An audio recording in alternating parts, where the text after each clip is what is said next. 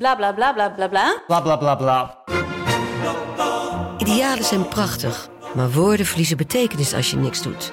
Dus laten we met z'n allen wat minder praten en meer doen. Bij Agmea zijn wij vast begonnen. Zo gaan wij voor minder verkeersslachtoffers, gezonde werknemers en duurzame woningen.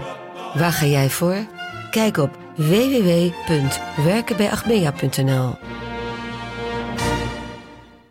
Hey, ik snap dat je je podcast wil luisteren, dus ik zal het kort houden. Want als jij het belangrijk vindt om duurzame keuzes te maken, kan ASR misschien helpen. Nou hoor ik je denken, hoe dan? Nou, bijvoorbeeld bij het duurzaam herstellen van schade. Of de premies die we beleggen volgens ons duurzaam beleggingsbeleid. Dat bepaalt waar we wel en juist niet in investeren. Wil je meer weten over welke duurzame keuzes ASR maakt? Ga dan naar asr.nl slash duurzame keuzes. ASR doet het. Zo, dan kan je nu lekker naar je podcast luisteren. Studio Socrates wordt mede mogelijk gemaakt door Unibed. Há muito tempo você está no meu caminho. Como posso esquecer?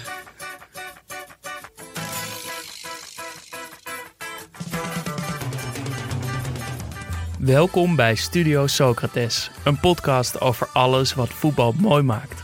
En ja, het WK in Qatar is lelijk, maar toch hoor je ons komende weken elke dag. Want laten het voetbal niet van ons afpakken. Met vandaag dag 10 van het WK in Qatar.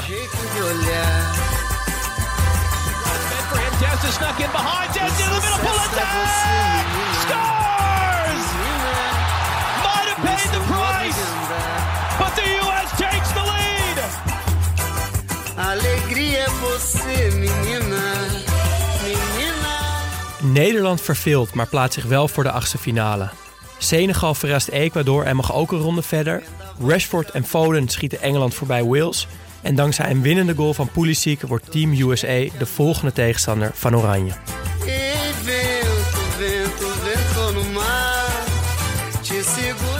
Dat was eh, de, de dag van vandaag in het kort. Daar gaan we het straks over hebben. Maar eerst over onze actie. Die is vandaag echt groots online gezet. Ja, Eh, het glazen huis is er niks bij.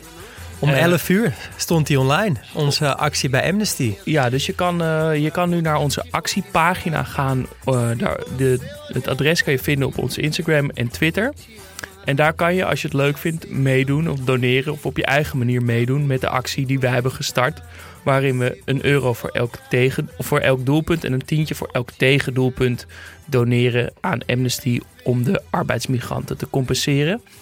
Doe dat, doe leuk Ja. mee. Je kan sowieso, wat goed is om te doen, is de petitie te tekenen. Zeker. En dan op je eigen manier, doe het op onze manier of een andere manier eh, mee. We kregen een leuke inzending van een luisteraar die zei: Stel dat je meedoet met een voetbalpoeltje en je wint daar geld mee. Misschien is het goed om dat geld te doneren Ja. aan Amnesty. Ja, Dus, en er eh, hebben al best wel wat mensen hebben gedoneerd. Ja, We dat echt op gek. eh, 560 euro alweer. Dat is toch meer dan ik verwacht had eigenlijk. Er dat wordt gul dag. gegeven. Ja, Ehm, maar blijf dat vooral doen. Wel moet ik toch even kritisch zijn op alle andere voetbalpodcasts. Eh, want in onze tweet naar deze actie heb ik eh, nou ja, van alles getagd. Andere podcasts om ook mee te doen. Eh, maar geen reactie. Dus als je iemand bent van een grote Nederlandse voetbalpodcast en je hoort dit...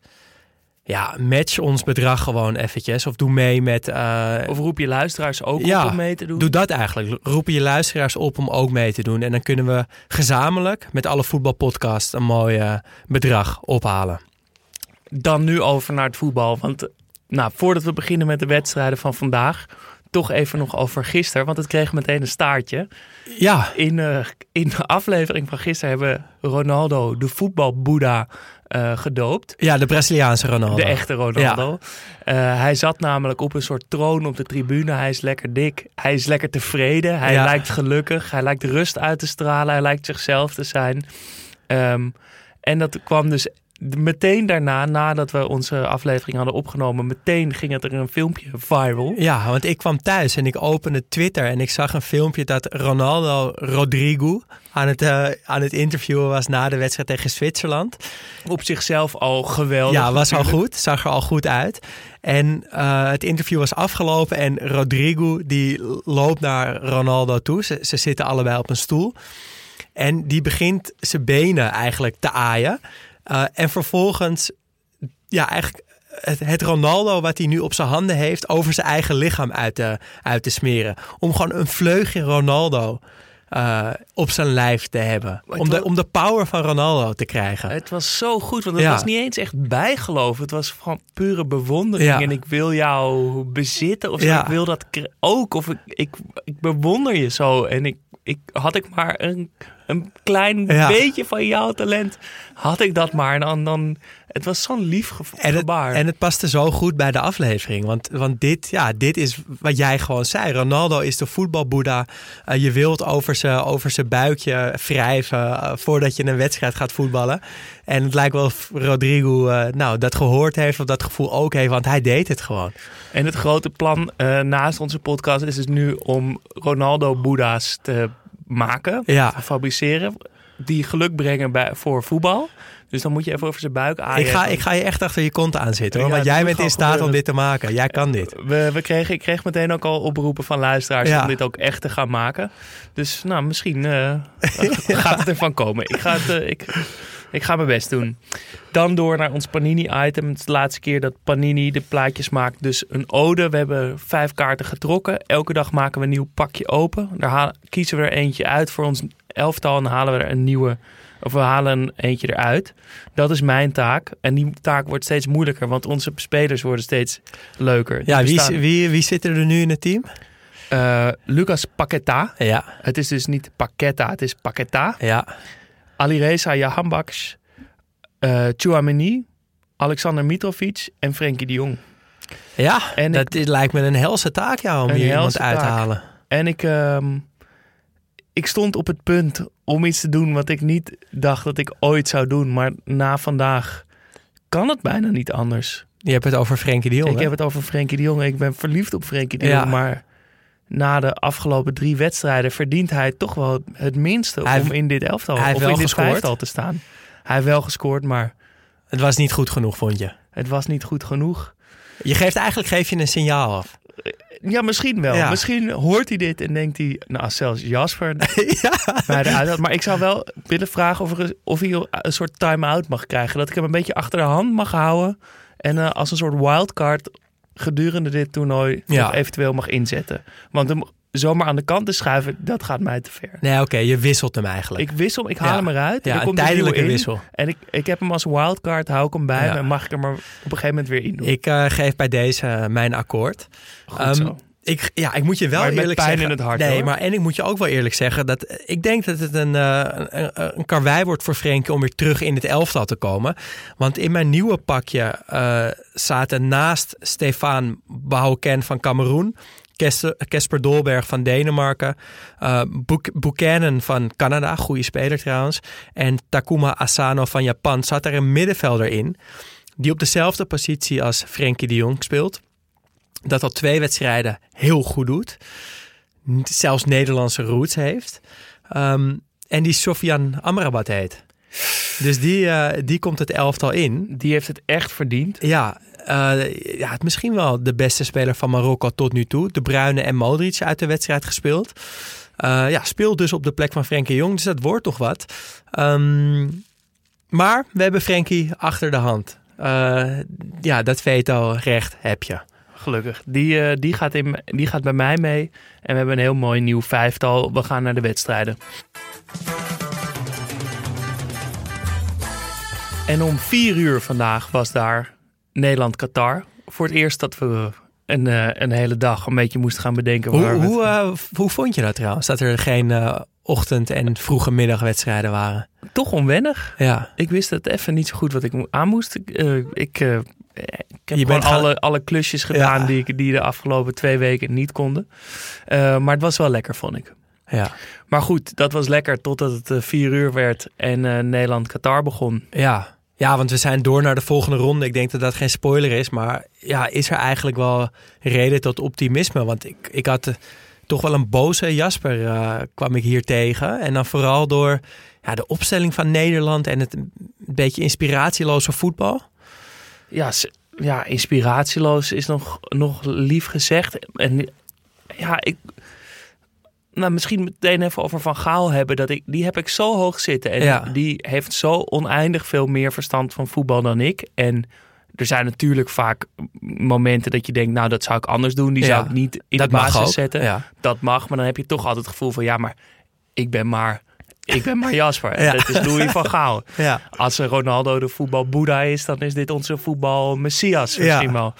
Ehm, maar toch was dit voor het eerst misschien wel dat ik het echt niet meer begreep. Of in ieder geval, ik heb het misschien wel eens vaker niet begreep, maar dat ik wel dacht, hij heeft erover nagedacht, hij je- weet het beter. ja, dat je hem nog wel vertrouwde. Ja, en dat vertrouwen was nu voor het eerst toch wel. Vond ik het heel moeilijk om dat Ja. te, te, te zoeken. Nou, ik had het ook toen ik die opstelling zag met, met dit keer dus de Roon in plaats van Koopmeiners. En dan Klaassen daar nog voor. En dan een invalbeurt van Jansen en van Weghorst. ik dacht echt, weet je, dit zijn voetballers. Je weet gewoon precies wat je krijgt. Er zit helemaal niks speciaals in. En ik wil dit soort type Nederlandse voetballers bij deze omdopen tot boterham met pindakaas voetballers. Want Ik begrijp met, precies wat je bedoelt. Wat Toch? een heerlijke term.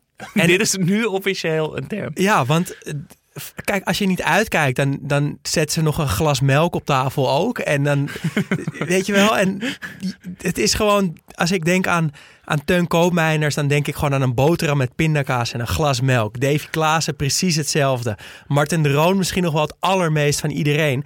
En dat moeten nu de mannen zijn in wie, ja, in wie wij ons voetballot eh, in handen leggen. Die moeten het gaan doen. En ja, volgens mij hebben we meer dan dat nodig. We hebben speciale dingen nodig. We hebben Gakpo nodig. We hebben Simons nodig. We hebben misschien zelfs wel Noah Lang nodig. Uh, maar niet deze boterham met pindakaas voetballers. En het, ik heb een beetje hetzelfde gevoel als jij. Dat ik denk, ja, hoe kan dat nou dat Van Gaal wel dat gevoel heeft? Ja. Dat, hij, dat hij die jongens nodig heeft. En een klein tipje van de sluier gaf hij in een interview na afloop. Dat hij zei, creatieve spelers nemen veel risico. Dat is niet erg.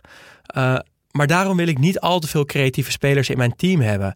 En dat, die uitspraak deed toch wel een beetje pijn. Omdat En het is wij- ook waar we het gisteren over gehad hebben. Ja. Wat, wat creatieve spelers doen op een veld. Ja, en wat ze toevoegen aan een elftal.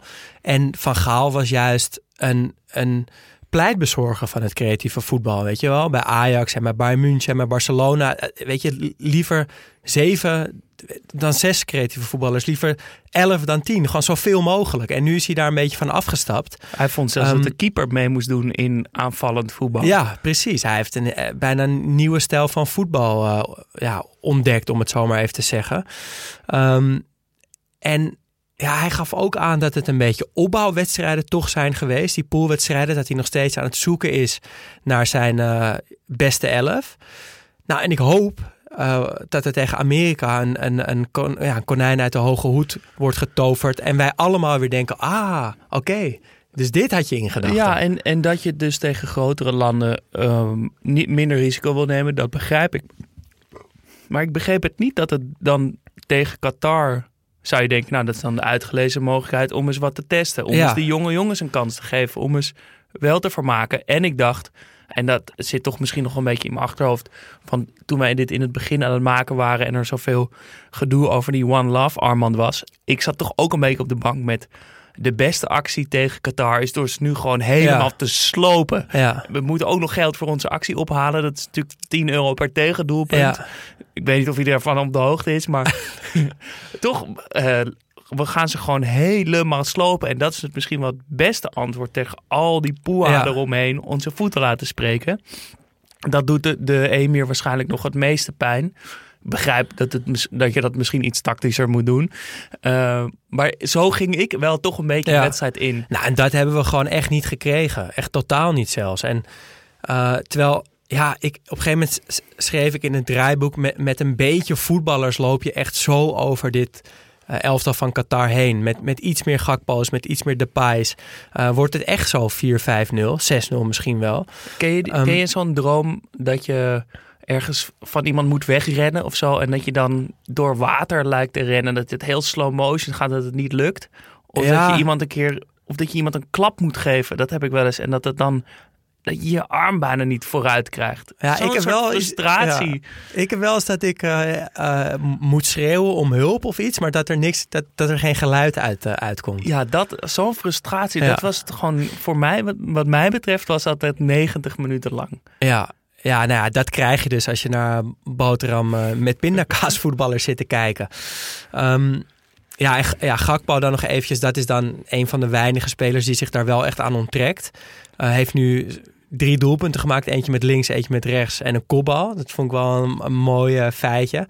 En ik moet bij, bij Gakpo toch ook eh, ja, vaak denken aan hoe, hoe, hoe belangrijk het is dat in het voetbal er, er nieuwe helden opstaan. Dat juist wat Van Gaal ook van tevoren zei. We hebben jongens in die selectie nodig die de hiërarchie omverduwen. Xavi Simons. Uh, en Gakpo is daar ook iemand van. Want die, ja, het was nog maar twijfelachtig of hij een basisspeler zou worden. En nu is hij de nieuwe nationale held. Um, en als ik aan Gakpo denk, moet ik toch ook altijd even aan John de Jong denken. Die, uh, die technisch directeur van PSV, die voor zijn vertrek is gaan liggen. Daardoor zelf weg moest bij PSV. Maar natuurlijk de beste keuze voor, voor die club ooit heeft gemaakt. Ja, en waarschijnlijk gaat hij nu voor tien keer zoveel ja. straks in de winter alsnog. Ja, heel leuk voor PSV. Ja, heel leuk. Um, en ook een prachtige eerste goal. Want hij lijkt die bal lijkt eigenlijk net te ver voor hem uit. Waardoor hij, als hij hem zou raken, dat hij bijna ja. de cornervlag zou schieten. En toch op een of andere manier weet hij met zijn teen hard nog in de goal te, te krijgen. Kan hij zo goed. Van, zo naar binnen komen en dan afwerken.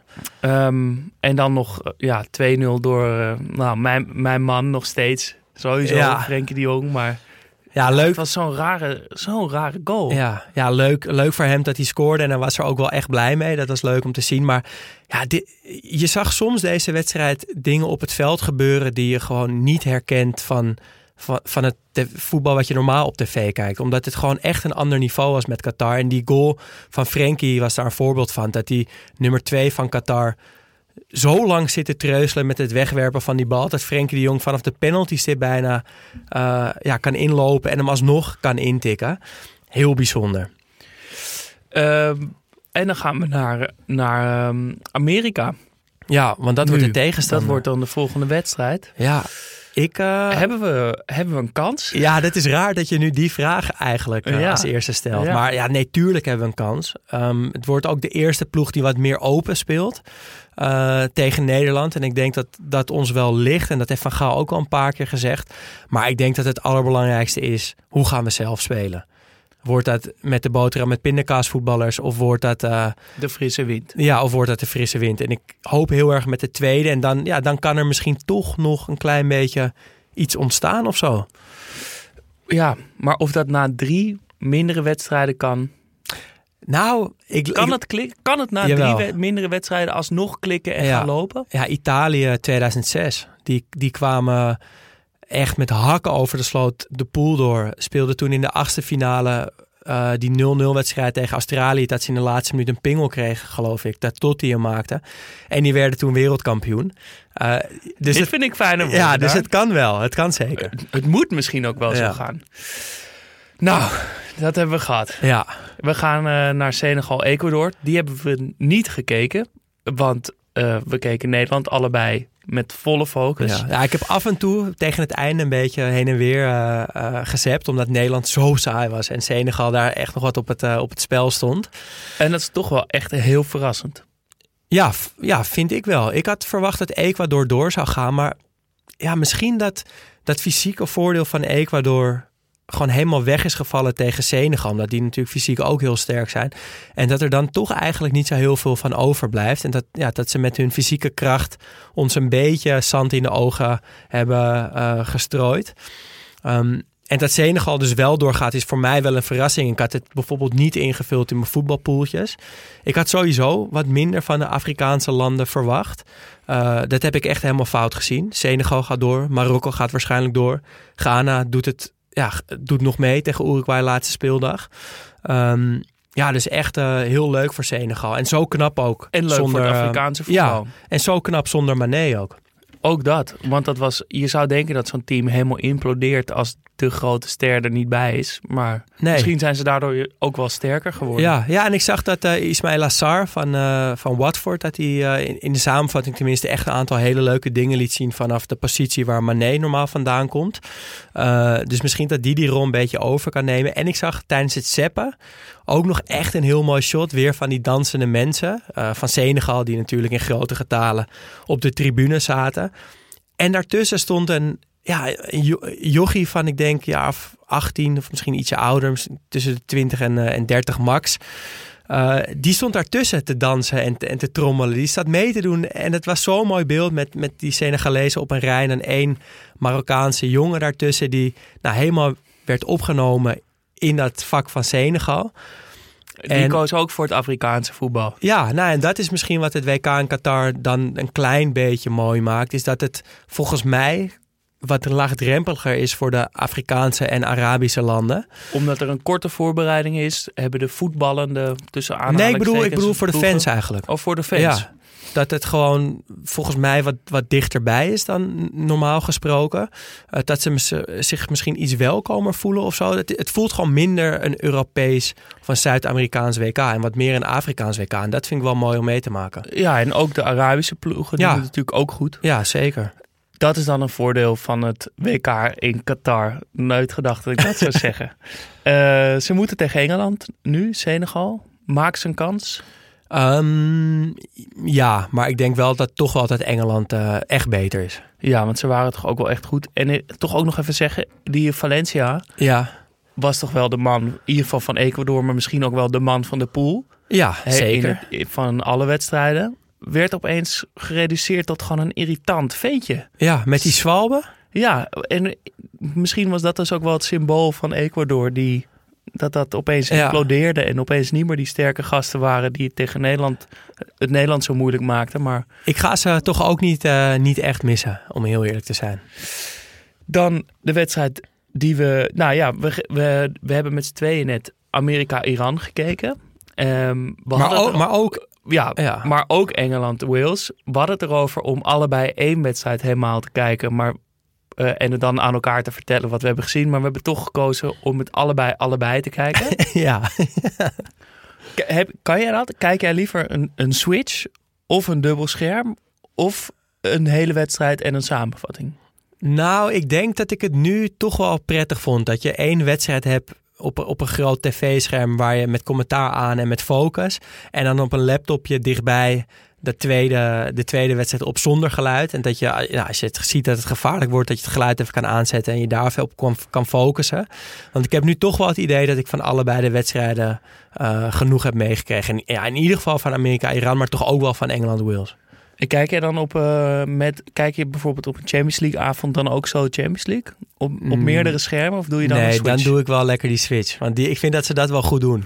ja. Ik raak daar toch zenuwachtig van. Ik, eh, Zo'n Ja? dubbel scherm ook, vind ik ook moeilijk. Jij hebt gewoon één, je wil gewoon één scherm, één Ja, wedstrijd. kom, dan kom je er echt in. En nu ben ik toch ook de hele tijd een beetje afgeleid. En heb ik het idee dat ik ze allebei niet helemaal heb gezien. Nu wel. En nu hadden we gewoon één heel groot scherm Ja. met geluid. Maar ik merk toch dat ik, dat, dat ik me beter kan focussen. Ik gewoon één Ah, dus ding heb. voor morgen kunnen we dan toch misschien jou gewoon beter op, op één wedstrijd zetten. Misschien wel. Een speciale correspondent. Eh, aan de wedstrijd vooraf zat eh Reza Gouganejad bij de NOS. En wat is Analist van het toernooi tot nu toe? Oh, absoluut. Wat is die goed zeg. Welbespraakt, rustig, geïnformeerd. Heel genuanceerd over zo'n heikele Ja. kwestie als, als Iran.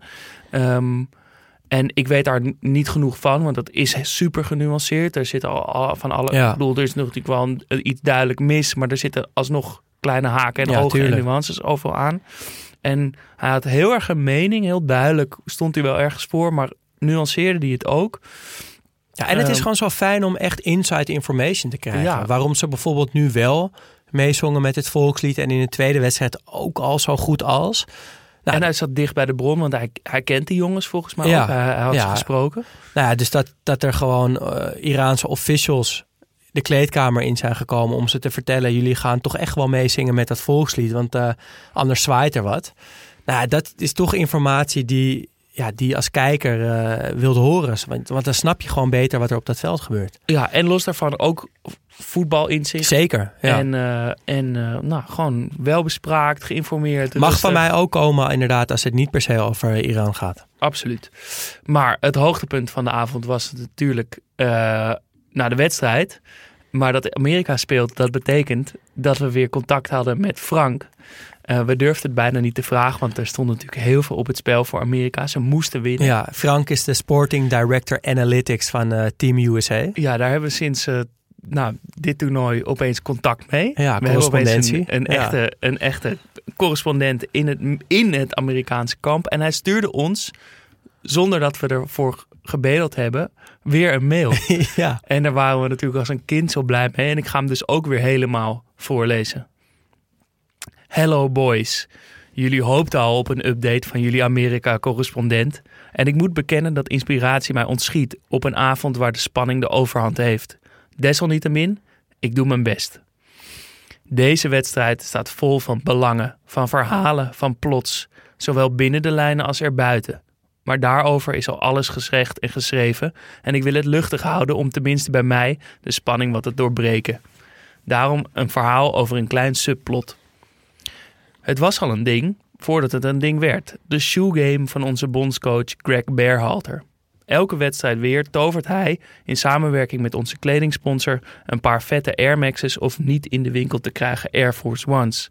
Het is een ding, kijk de social media er maar op na.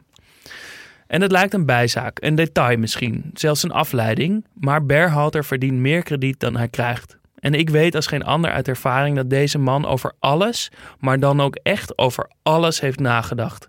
Dus ook over zijn shoegame.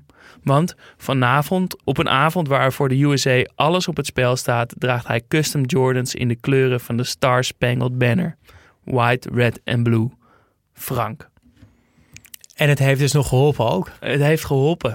Nou, ik weet niet of de schoenen eh, hebben geholpen of het overal over nadenken van Greg Berhalter. Maar ze zijn door. Ja, ja nou, dus je hebt de schoenen van Greg en, eh, en, de onderbroek van eh, Louis. Ehm, maar ik vind het vooral, nou, het is sowieso weer echt een heerlijk inkijkje in, ja, in Team USA.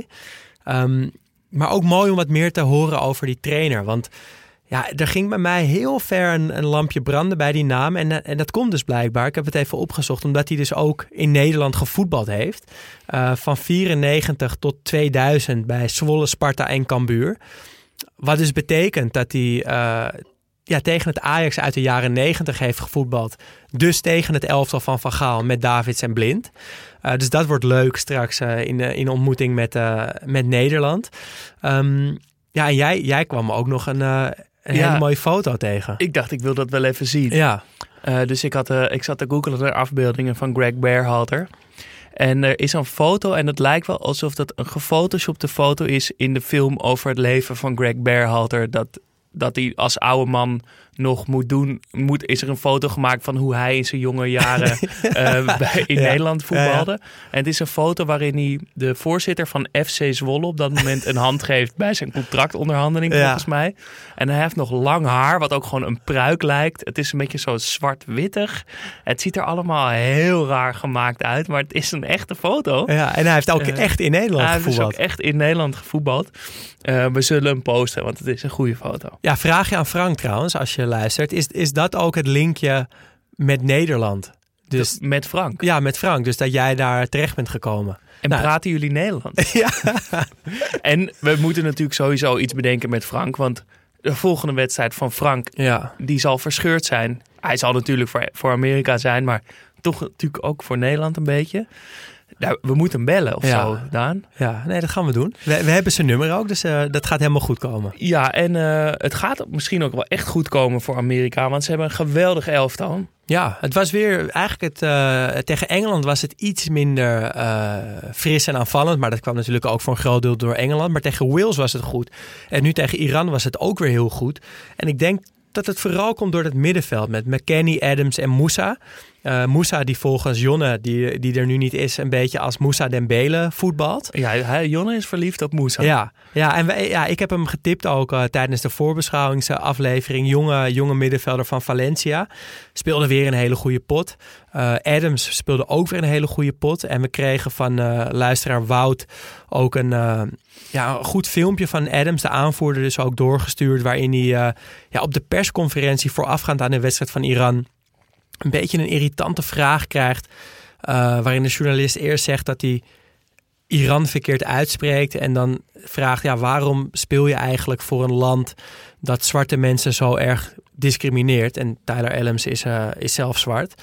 En daar reageert hij zo goed en rustig en... eh, ja, hij geeft gewoon een hele mooie uiteenzetting waarom hij doet wat hij doet en waarom dat belangrijk is. Eh, dus volgens mij zit het wel goed eh, bij Team USA. Volgens mij is daar wel wat aan het groeien, wat bij Nederland dus helemaal niet het geval is. Is daar wel het geval. Ehm, en ze kwamen op voorsprong. 1-0 door een eh, geweldige aanval. Kopbal van Dest, breed op Pulisic. En, en Frank zei dat deze trainer laat niks aan het toeval over. En dat zie je dus ook bij zo'n aanval. Ja, ja dit, dit vond ik echt een herkenbaar aanvalspatroon. Wat ik nu bij USA al een paar keer heb gezien. En ook sowieso.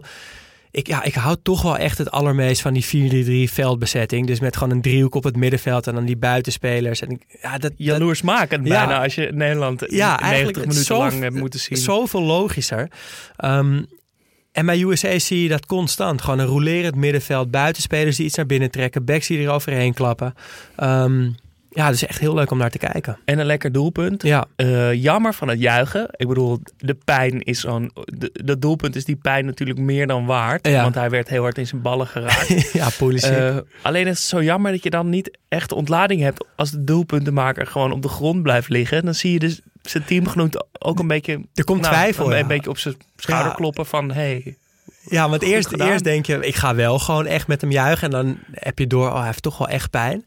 En dan wordt het inderdaad, en dan valt alle ontlading valt een beetje weg. Ja, dat is jammer voor de spelers Ja. op het veld, maar ook jammer voor ons toeschouwers in het Zeker. stadion. Dat je niet echt de ontlading hebt. Ja. Sowieso met spitsen die scoren en dan alleen gaan staan. Ja. Mis je, je moet je blijdschap kwijt. Wat ik trouwens wel veel zie ook hoor, dit toernooi, is, eh, dat was nu dan wat minder geloof ik, maar dat, eh, dat er heel veel goals gevierd worden met, met, met de wissels erbij. Tegen, eh, ik zag, volgens mij was dat Marokko, waar de wissels zelfs gewoon over het veld heen renden naar de andere kant waar de doelpuntenmaker stond om het samen te vieren. Eh, dat is ook echt een beeld van dit WK wat echt beklijft bij mij tot nu toe. Ehm, ook nog even over die Robinson, die eh, linksback. Ja, Fijne speler. die rugbyspeler. Ja, het- ja, ik dacht, dat is, maar misschien is dat natuurlijk ook omdat hij voor Amerika speelt, is echt zo'n NFL-speler. Ja, ja, zo zo ja. rent hij ook met, Ja. die, met die vuistjes en zo een beetje zo hard, snel, kort, driftig. Ja, Eh, dus ik dacht, nou, die zal vast in zijn leven eerst zijn opgeleid in de NFL en Ja. later een switch te hebben gemaakt. Is niet zo. Is gewoon geboren in Engeland, heeft zijn hele leven in de jeugdopleiding van Everton gespeeld. Eh, dus, dus niks van waar. Misschien dat hij na zijn voetbalcarrière nog, eh, ik weet niet hoe, hoe die positie heet, maar zo'n renner langs de lijn bij NFL. Ja, of alleen die bal trappen. oh ja, dat, kan kan ook. Ja, zijn bijnaam is trouwens Jedi. oké. Goeie bijnaam. Ja, zeker. Ehm, nou, ze gaan het lastig krijgen, Nederland. Tegen Ja. Amerika. Ja, en, en- want het is niet alleen waar we het een beetje over gehad hebben deze afgelopen afleveringen van een soort fitte, enthousiaste, onervaren ploegen tegen ervaren ploegen. Het is ook gewoon dat Amerika heel goed voetbalt. Ja, Je doet ze tekort door te zeggen ze zijn fit, ze kunnen hard rennen en ze zijn enthousiast. nee, zeker. Nee, ik denk dat eh, Amerika eh, ja, best blij is met het oranje in, eh, in deze vorm. Dus dat eh, ja, belooft zaterdag een, een eh, hele interessante wedstrijd te worden. Dan de acht uur wedstrijd, de andere acht uur wedstrijd, Engeland-Wales. Die hebben dus met een schuin oog gekeken. Maar wie het met een, een heel oog, Ja. met twee hele ogen heeft gekeken, is Paling. Want het is, blijkt niet alleen een Belg te zijn, maar ook een kwart Engelsman. Ja, dus ik, luisteraar, eh, schrik niet als je dit hoort. Hi guys, Eel here. ik heb, eh, kwart Engelsman dat ik ben, vanavond de BBC aangezet natuurlijk voor Engeland-Wales en eh, niet zoals de rest van de wereld naar Iran-VS gekeken. Een paar dingetjes die me zijn opgevallen. Ehm, ik heb een heel volwassen Engeland gezien, die de match heel de tijd onder controle had. Wales die hadden amper 200 balcontacten in de eerste helft en die waren enkel met plannen gekomen om afwachtend te spelen, loeren op een counter en hopen op een goed resultaat in de andere match. En eh, Jude Bellingham was toch de, de grote man bij Engeland in de eerste helft. Ehm, commentator wist te zeggen, ehm wist hem mooi te omschrijven. He is a free spirit. He has freedom to roam. Dus hij was overal, hij was, hij was heel creatief, had enkele leuke take-ons. En eh, ja, dat, wordt eh, onmogelijk voor Dortmund om, eh, om die bij te houden. De, de ponden uit de Premier League die gaan misschien in januari al boven gehaald worden. Ehm, tweede helft was dan, was dan weer de, de grote Marcus Rashford show. Met een, een heerlijke vrije trap voor, voor de 1-0. eh, ehm, en dan een interceptie die aan de basis lag van de, van de Foden goal voor 2-0. Ook een leuke match van Foden trouwens. Die, die eindelijk eens mocht starten van Southgate. En die het ook ook beter deed dan Saka eigenlijk. Ehm, en de 3-0 van Rashford was een, eh, een echte spitsengoal met een, een dribbel en opportunistisch schot. Eh, leuk te zien, eh, ziet eh, bij Marcus Rashford dat hij echt terug goed in zijn vel zit. Eh, die zat heel diep na de verloren finale van op het EK. Eh verdween uit de ploeg bij Menu, had geen, geen klik met, eh met Ragnik. Eh, werd ook een beetje gezegd dat hij meer met, met andere dingen bezig was, met zijn, met zijn brooddozen verhalen en zo. En, eh, maar die lijkt nu, nu helemaal terug, heeft ook het vertrouwen van Southgate. Eh, hij zit echt goed te blinken in zijn vel.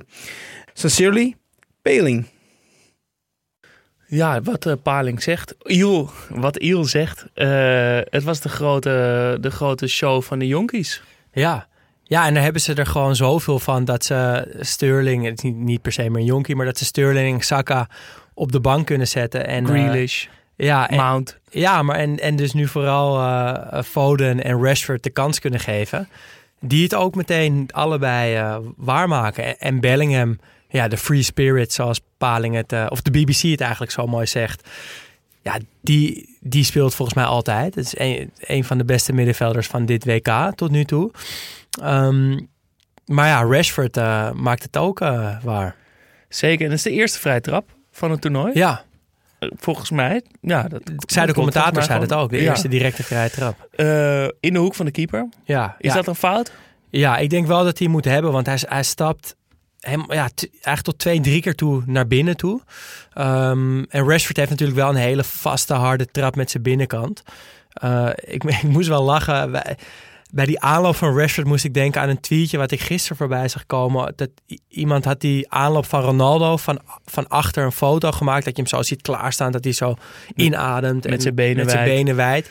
En daar iets van een tekst onder geschreven van dat dit eh, eh, het meest gevaarlijke beeld voor een keeper is om te zien of zo. Terwijl Ronaldo mist elke vrije trap die hij schiet. Dus het is helemaal niet gevaarlijk. Eh, en ik moest toch ook wel weer een beetje om hem lachen. Dat hij toch zo zijn best heeft gedaan om die goal van gisteren te claimen. Dat zelfs Adidas eraan te pas moest komen en moest zeggen... Ja, wij hebben gewoon een chip in deze bal. En die laat heel duidelijk zien dat hij de bal niet geraakt heeft. Terwijl Ronaldo gewoon daar, daarvoor tegen alles en iedereen heeft gezegd... ik heb die bal 100% zeker geraakt. Terwijl die nog zulke mooie twijfel had op het veld Ja, in het begin. Dat slo- sloeg toch over naar, eh, naar zelfvertrouwen. ja. Ehm, wat ook nog opviel trouwens, was de DJ-boot langs de zijlijn. Ik weet niet Ja. of jij die hebt gezien, maar Ja, tijdens het spelen van, tijdens het juichen naar de goal stond er gewoon stond Chesto of zo op, stond te draaien. Eh, hele korte momentjes denk ik alleen bij goals. Dat ja dan past ook mag. wel weer echt bij dit WK. Dat, dat, dat ze dat opeens hebben staan daar. Chesto langs de zijlijn. Ja. Bij de actie van, eh, die we hebben in het leven hebben geroepen bij Amnesty... eh, staat de teller inmiddels op 160 euro. Ja. Eh, dat is lekker. Dat is heel lekker. Dus- Jonne gaat dat eh, aan het eind van, eh, van, deze, van dit WK doneren aan Amnesty op onze actiepagina. Ja, En, daar staat ook al ja, 560 euro dus op. En blijf dat vooral doen. Je kan, je kan het linkje vinden op onze Twitter en, en in de bio van onze Instagram. Kun je zo doorklikken, kan je iets doneren wat je kan, wil missen. Gaat naar, direct naar Amnesty, eh, die daar hopelijk wat mee gaat doen eh, eh, voor de arbeidsmigranten daar in Qatar. Morgen weer vier wedstrijden. Twee om vier uur. Dat zijn Australië, Denemarken en Frankrijk-Tunesië. Ja, Frankrijk al door, Tunesië al zo goed als eruit. En de wedstrijd waarop het om gaat is Australië-Denemarken. En ik hoop voor het toernooi wel dat Denemarken doorgaat, maar ja, nog niet overtuigend wat ze laten zien. Misschien wel de Socceroos. Ja, Om acht uur Polen, Argentinië en Saoedi-Arabië, Mexico. ja, ja ook, er kan ook weer van alles nog gebeuren. En Argentinië moet een resultaat pakken om, eh, om door te gaan. Dus het is weer eigenlijk een alles of niets wedstrijd voor Messi en voor zijn grote WK-droom. Ehm, en die ene goal van Messi tegen Mexico, toen, toen die droom opeens weer tot leven kwam, dat heeft me toch wel wat gedaan. Eh, dus ik hoop dat hij eh, ja, toch nog wel wat verder komt in het toernooi. En dan als laatste nog, nou, voordat we gaan afsluiten, is straks de, eh, het item van Elias. Waar hij eh, muziek en een column heeft eh, meegenomen van een land wat vandaag in actie is gekomen. Vandaag is dat Senegal. Ja, en morgen, eh, of woensdag dus, dus ja, vandaag, woensdag, eh, mag hij, eh, of, of gaat hij langs bij Nieuws PV? Ja, op ik? Radio 1. Ja, op Radio 1 om te vertellen over, over zijn column en item in onze podcast. En ook een beetje over, over de podcast zelf. Ehm, ja, dus zoek vooral even op hoe laat het precies is. Hij wist dat geloof ik zelf nog niet. Ehm, en luister dat, want dat eh, kan alleen maar hartstikke leuk worden. Wij gaan eh, trots luisteren hoe Elias over het item en over hopelijk ook Ja. mooie dingen over de podcast vertelt. We hebben ook nieuwe vrienden van de show. Jorrit, Marcootje Pantelic, Camilo, Freek, Erik, Robert, Jules, Rob, Arne Bleker en Inge Kaan. Ja, ja on- onze Toto-deal eh, zit erop. Dus eh, ja, help ons door vriend van de show te worden. Dat eh, helpt echt heel erg. Het zou kunnen dat je Toto trouwens nog wel hoort voor de aflevering. Maar ja, dat moet weg. Dag en nacht, dat moet weg.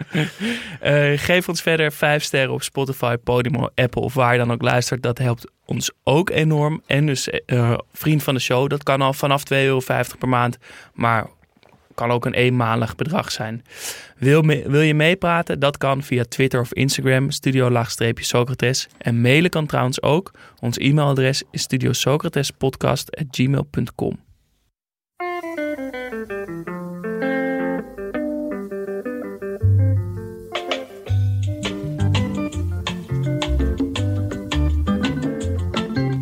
Aflevering 10 brengt ons in Senegal. Een land met een geschiedenis vol buitenlandse invloeden door zijn ligging aan de Afrikaanse westkust.